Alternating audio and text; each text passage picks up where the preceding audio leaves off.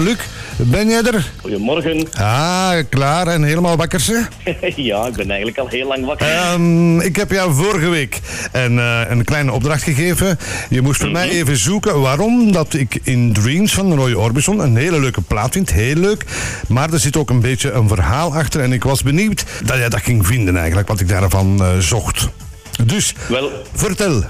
Vooraleer ik een gok waarom jij dit verhaal zo leuk vond, zou ik het toch even willen aanstippen dat dit nummer van Roy Orbison eigenlijk in een speciale tijdsgeest is geschreven. Hè? Want het nummer is van 1963, laten we wel zijn, dat is bijna 60 jaar geleden.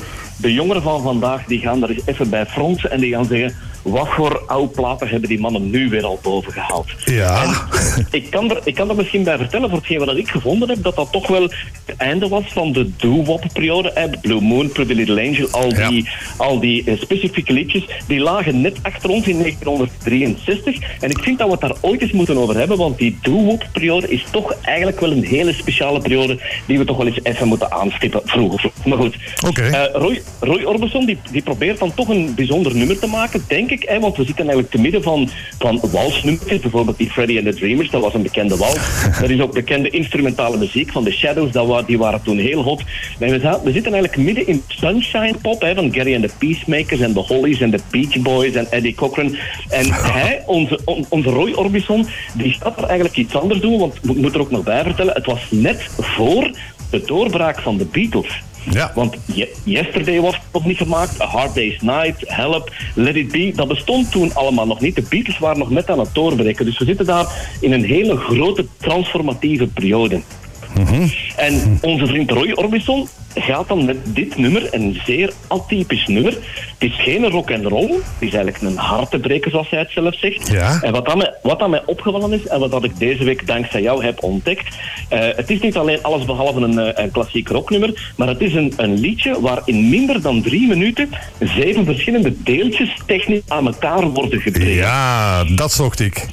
Voilà, dus hij gaat eigenlijk van... Hij begint met een slaapliedje, een halve parlando. Hij spreekt daar over het zandmannetje, die zand in het ogen stro- strooit. En de muziek zwelt aan naarmate de liefde in zijn droom aanwezig wordt. En op het einde van het nummer zegt hij van ja... Ik word eigenlijk wakker in een, eh, in een ontnuchtering en het was allemaal een illusie.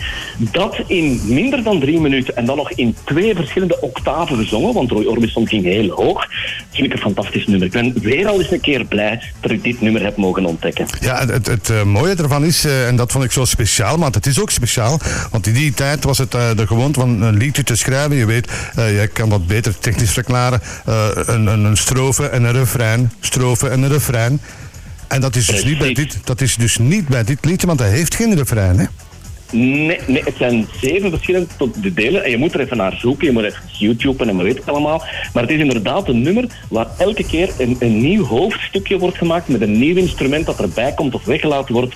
Ik heb nooit naar dit nummer geluisterd zoals ik er deze week naar geluisterd heb. Ah, dat is goed En gedaan. dat is toch wel bijzonder. Maar eerlijk gezegd, ik dacht dat jij naar de verklaring zocht van hoe dat dit nummer tot stand is gekomen. Wel ik beide eigenlijk. daar- Ah, ik heb daar eigenlijk twee verklaringen voor gevonden. Ja. En ik moet eerlijk zeggen, ik weet niet welk dat het juiste is.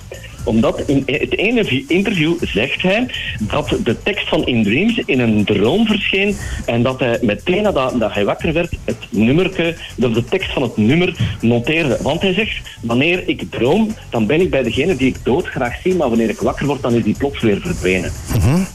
Dat is de eerste verklaring. Maar in een nog een andere verklaring heeft hij blijkbaar gezegd dat hij in zijn slaap ook vaak muziek hoort, waar hij dan een radio-dj hoort over vertellen dat de nieuwe single van Elvis Presley is terwijl hij droomt dat hij die plaat heeft gemaakt. Dus ik weet eigenlijk niet welk dat de juiste is van de twee. maar dat weet ik ook niet. Eh, want je, je, leest, je leest er eigenlijk een beetje van alles over, inderdaad.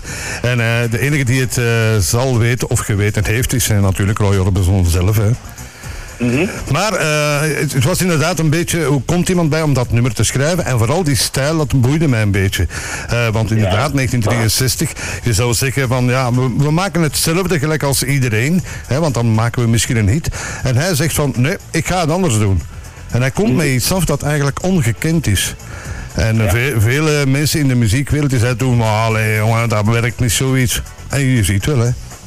Ja, te, te midden van die, van die sunshine pop, hè, van die, van die feel-good music, maakt hij dan dit nummer. Ja. Eh, terwijl dat iedereen denkt dat het een liefdesliedje is. En het is eigenlijk een echte hartbreker of een tearjerker, of hoe je het ook noemen wilt. Ik, ik vind het een fantastische ontdekking hè, die ik Ja. eh, van de week heb mogen maken. En gewoon, ja, die zeven stuks, die altijd verschillend zijn van elkaar.